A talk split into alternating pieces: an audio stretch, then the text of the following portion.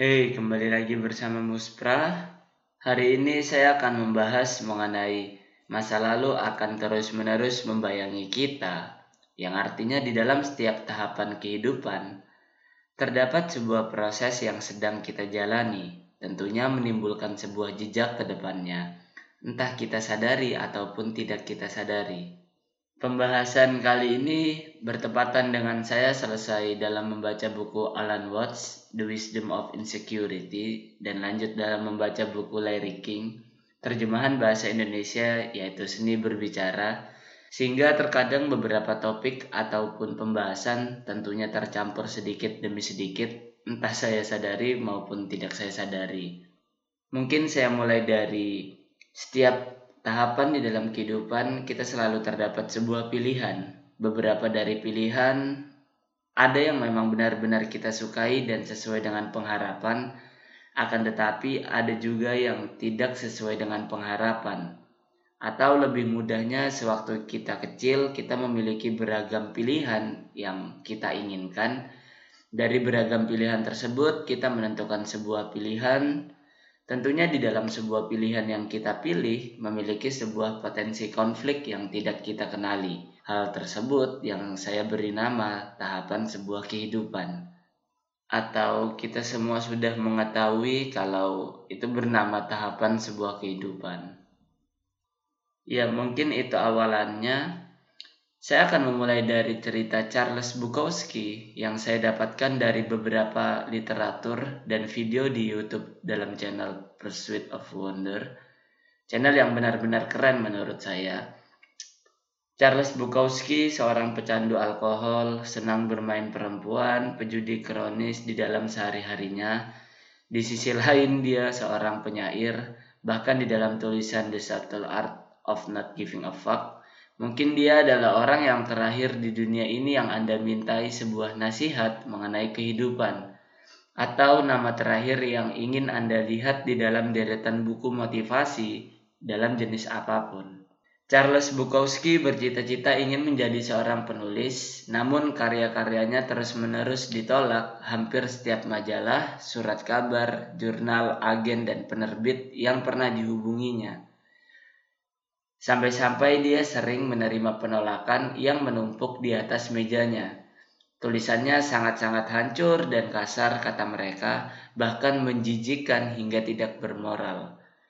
Begitu tumpukan surat penolakan bertambah tinggi, beban dari kegagalan tersebut mendorongnya ke dalam sebuah depresi yang kian diperberat oleh alkohol yang terus-menerus menjelma di dalam kehidupannya.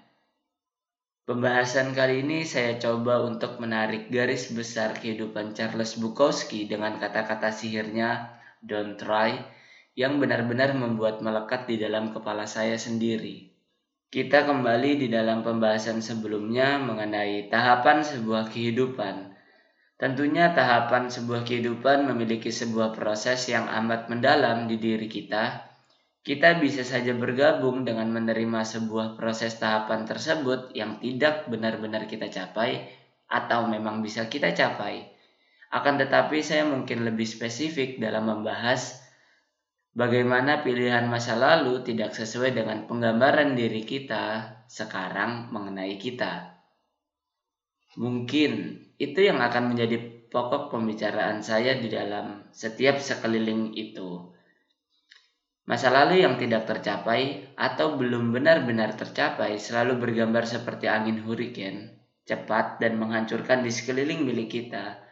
Berantakan membuat kerapuhan akan diri kita, atau mungkin kita tidak menyadari jika angin hurricane itu sangat cepat melibas sampai-sampai kita tidak sadar.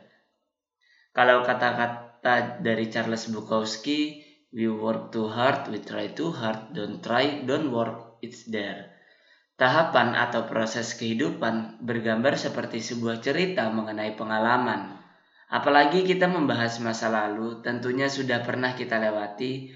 Tidak ada manusia yang benar-benar memasuki fine line atau ungkapan jalur emas kehidupan dengan sangat mudah, seperti hidup, berkembang biak, lalu mati dengan sempurna. Menurut saya tidak ada yang ada hidup, permasalahan, memecahkan masalah, permasalahan lagi, memecahkan masalah, gejolak pemikiran, lalu mungkin terus-menerus seperti itu, hingga kita tidak menyadari karena kita sudah menua dan siap untuk mengalami sebuah kematian. Kembali membicarakan Charles Bukowski, meski pada akhirnya bukunya terkenal hingga ia sebagai salah satu penulis sastra terbaik di dunia, Bukowski dulunya adalah seorang pecundang. Ia tahu keberhasilannya bukan dari hasil kegigihannya untuk menjadi seorang pemenang. Namun kenyataannya bahwa ia tahu kalau dirinya seorang pecundang. Dia menerimanya dan kemudian menulis secara jujur tentangnya. Ia tidak pernah mencoba untuk menjadi diri sendiri selain dirinya sendiri. Beberapa dari kita memiliki sebuah permasalahan yang masih menyisakan sebuah jejak hingga hari ini. Ada yang menerima dan ada yang tidak menerima. Dua yang sangat berbeda dan dua yang menimbulkan sebuah hasil yang berbeda pula di dalam sebuah tahapan kehidupan ke depannya. Yang paling penting, manusia memiliki sendiri kata-kata sukses dan gagal karena itu juga berbeda. Itu sudut pandang yang subjektif. Beragam kontradiksi yang selalu saya temukan ketika hendak membicarakan mengenai sesuatu, seperti apakah pengalaman yang membentuk saya, ataukah saya sendiri yang menginginkan sebuah pengalaman tersebut, ataukah kedua-duanya juga benar. Akan tetapi, semua tetap dalam pembahasan masa lalu akan terus-menerus membayangi kita yang artinya pokok pembahasan kali ini sesuatu yang sudah kita lewati, entah kita sukai ataupun tidak kita su sukai, dan menghasilkan sesuatu dalam makna, nilai, atau dari kata-kata seseorang. Saya mengambil sebuah pengalaman saya ketika saya di Kalimantan Selatan, lebih tepatnya Batu Licin. Sewaktu subuh, saya mengambil sebuah mangga di hutan dekat dengan rumah Lalu mangga tersebut saya makan. Itu pengalaman saya yang mungkin memang menjadi sebuah cerita dalam saya sendiri. Akan tetapi itu termasuk tindakan pencuri, yang di mana semua orang mengetahui pencuri adalah tidak baik. Dan saya tidak menyadari jika hal tersebut mencuri. Sehingga jika saya disebut pencuri mangga, seharusnya saya tidak marah bukan? Karena memang benar saya mencuri sebelumnya tentang mangga meskipun hanya sekali sesuatu yang sudah saya lewati, entah saya sukai atau tidak saya sukai, menghasilkan sebuah makna atau nilai dari kata-kata seseorang. Itulah pengalaman saya mengambil mengenai mencuri mangga. Bagaimana cara kerja pengalaman yang saya anggap menyesakan itu dan menguranginya? Selama ini saya akhirnya menemukan sebuah keringanan yaitu hanya menerima akan tetapi, tidak semua orang bisa menerima sebuah pengalaman pahit, terlebih akibat kesalahan kita, karena kita memiliki sebuah pemikiran ego yang mungkin melahirkan ambisi ataupun obsesi yang benar-benar kuat di dalam diri kita. Kita jarang bisa memaafkan diri kita sebelumnya, sekali lagi jarang. Apabila kita suka mengganggu seseorang, kita bisa saja tidak menerima dan mengatakan bahwa kita bukanlah pengganggu. Seperti dalam kasus saya, saya bukan pencuri. Malah kita menilai orang tersebutlah yang justru mengganggu kita. Apabila dalam kasus saya justru orang tersebut yang menghalangi saya makan mangga. Hal tersebut sangatlah berbolak-balik akan tetapi dalam pengalaman saya ketika saya benar-benar bisa menerima segalanya, semuanya akan lebih meringankan daripada saya harus bersikeras bahwasanya saya bukanlah orang yang salah agar hanya membuktikan bahwa memang saya yang benar dan mereka yang salah. Seperti dalam kasus Charles Bukowski, dia menerima jika dia pecundang, bukannya dia membenarkan setiap kalimat orang. Jika dia orang yang persisten dan sangat kerja keras, dia hanya menerimanya saja. Intinya menerima atau tidak menerima, masa lalu yang bisa kita terima atau kita bisa berselancar di atas masa lalu yang pahit. Semisal dalam tahun ini saya menapak tilas kembali kejadian-kejadian sebelumnya berdasarkan pengalaman saya, yang di mana justru membuat saya ringan terhadap tahapan kehidupan selanjutnya. Akhirnya, saya selama ini bisa melihat diri saya sendiri melalui kacamata orang yang di mana saya melihatnya sekarang. Seperti saya berinteraksi dengan orang-orang terdahulu yang saya kenal, bercerita mengenai saya dalam pandangan mereka, memberikan sebuah kabar mengenai saya dan mereka, yang di mana semua justru membuat saya ringan. Yang menjadi beberapa pertanyaan orang-orang kepada saya, bagaimana jika saya tidak bisa menerima hal tersebut, atau dengan kata lainnya, saya tidak menyadari diri saya yang dahulu dan tidak mau mengingat. Asumsi saya mungkin menjawab, saya akan masih tetap menjadi yang dahulu. Selama saya merasa tidak nyaman menjadi diri saya sendiri, barulah saya harus melihat proses itu kembali banyak sekali yang saya bicarakan sebelumnya dan itu saya menapaki kembali proses yang sebelumnya telah saya lewati. Beberapa pengalaman semisal benar-benar yang tidak bisa saya terima, yang di mana saya merasakan malah membuat saya terbebani, dan beban di dalam hidup benar-benar tidak mengasihkan dalam pandangan saya.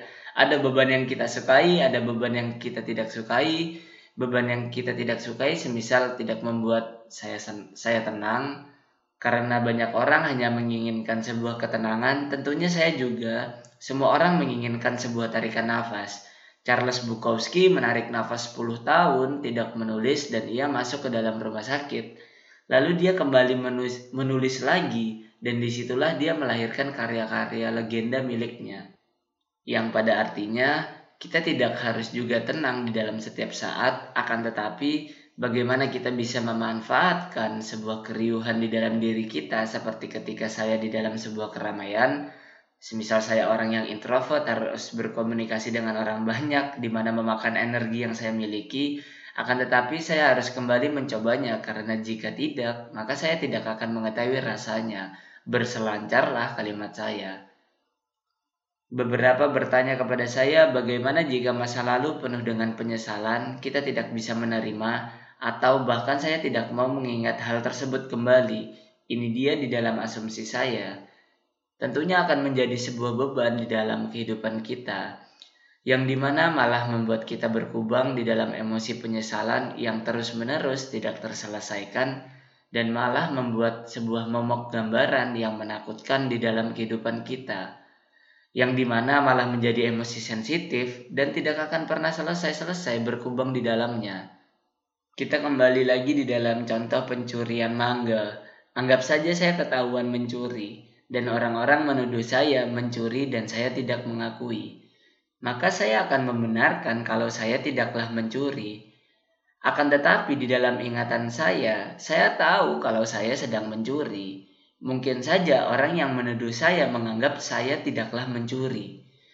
Di kemudian hari, saya takut orang memanggil saya pencuri, padahal senyatanya saya pernah mencuri mangga. Intinya terima saja, sebelumnya saya pernah mencuri mangga dan saya tidak mengulanginya lagi, maka selesai. Anggap saja seperti Charles Bukowski, sebelumnya tulisannya dianggap orang bahkan tidak bermoral. Semisal Bukowski malah memarahi orang-orang itu, yang di mana malah membuat Bukowski berkubang di dalam pembenaran yang dia miliki, itu hanya sebuah contoh dan Bukowski paling tidak melakukan hal tersebut. Saya juga tidak tahu Bukowski melakukannya atau tidak. Ketika sebuah penerimaan di mana di, di, di dalam diri saya merasakan ketenangan, orang mau berpandangan terhadap kita, itu tidak bisa di, kita kontrol. Terima saja, seperti sebelumnya saya pernah mencuri dan oke okay, saya tidak mengulanginya lagi Mau bagaimanapun daripada sibuk membuat sebuah pembenaran, lebih baik lakukan saja. Sebab saya pernah di dalam posisi mencari pembenaran dan itu malah benar-benar membuat menjadi beban. Di dalam kacamata saya, ya udah, melihat dan mengambil yang bisa saya petik dan menjadikan sebuah nilai. Ketika saya berkubang terlalu lama memikirkan pendapat orang, maka saya tidak akan selesai-selesai di dalam lingkaran setan kita tidak bisa melakukan apa-apa yang ada hanya pembenaran-pembenaran. Emosi kita malah ke arah bagaimana orang menyukai kita, bukan bagaimana orang melihat dan mengetahui kita. Berdamai dengan yang kita miliki, semisal sebuah trauma, sebuah pengalaman yang benar-benar mungkin kita sendiri menilai diri kita yang dahulu menjadi sangat kusar atau bahkan memuakkan. Maka kalau kita bisa memaafkan diri kita yang sebelumnya, ya tidak masalah jika ada orang lain yang tidak bisa memaafkan, mau bagaimana lagi? Kita tidak bisa mengancam atau bahkan memaksa mereka untuk memaafkan tindakan kita sebelumnya, yang di mana hingga kita bisa berada di dalam proses pendewasaan. Yang jelas yang saya maksudkan, terima saja apabila kita pernah dianggap gagal, ya terima saja. Semuanya apabila kita menjadi, pernah menjadi orang yang egois, oke okay, saya mencoba untuk tidak egois. Apabila diberitahu keras kepala, ya terima saja. Baiklah saya orang yang keras kepala, saya akan mencoba untuk tidak keras kepala lagi. Proses perubahan terkadang menjadi seseorang yang baru dan itu mengasihkan. Kita seakan-akan menjadi orang yang baru padahal senyatanya kita hanya berubah di dalam pemikiran. Di dalam kedewasaan mengurangi sebuah ego, musuh terbesar setiap orang di dalam diri kita sendiri. Ada bias yang terletak di amigdala dan sebagainya Ketika kita menerima bukan berarti kita pasrah. Kita menerima karena tindakan kita. Di dalam sebuah tindakan yang kita miliki tidak ada sebuah kepasrahan kecuali apabila kita sedang diancam.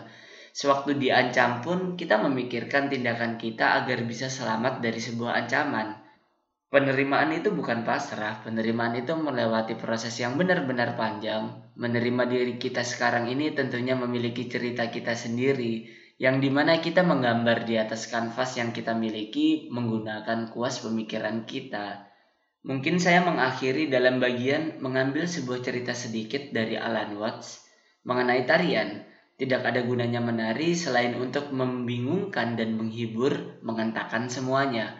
Semuanya bekerja sama sekaligus untuk membingungkan dan menghibur, untuk mengekspresikan satu hal yang merupakan kesadaran universal yaitu kehidupan. Di sini kita berada di dalam posisi dengan kemampuan untuk membentuk sebuah alasan, mencoba memahami tarian yang nampaknya tidak masuk akal, dan usaha kita menjadi bingung mencari makna yang lebih baik, pembenaran yang lebih baik, pemahaman yang lebih baik. Kami menganalisisnya secara berlebihan dan mengambil kepemilikan di dalam tarian ini untuk mengimbangi sulitnya itu. Kami berjuang untuk menerima apa adanya, tapi mungkin tidak ada yang lebih baik untuk apa pun dan tidak masuk akal, karena ketidakberdayaan ada keajaiban, mistifikasi, dan hiburan. Mungkin ide inilah yang tetap benar. Tidak peduli apa yang kita yakini di dalam kehidupan, kita hampir pasti salah atau tidak lengkap di dalam pemahaman kita. Dan untuk sekarang, mungkin yang terbaik kita lakukan, yaitu adalah mencoba dan menikmati tarian apa yang ada di semua ketidakberdayaan, dan ingat bahwa satu-satunya hal yang paling buruk adalah menanggapinya terlalu serius.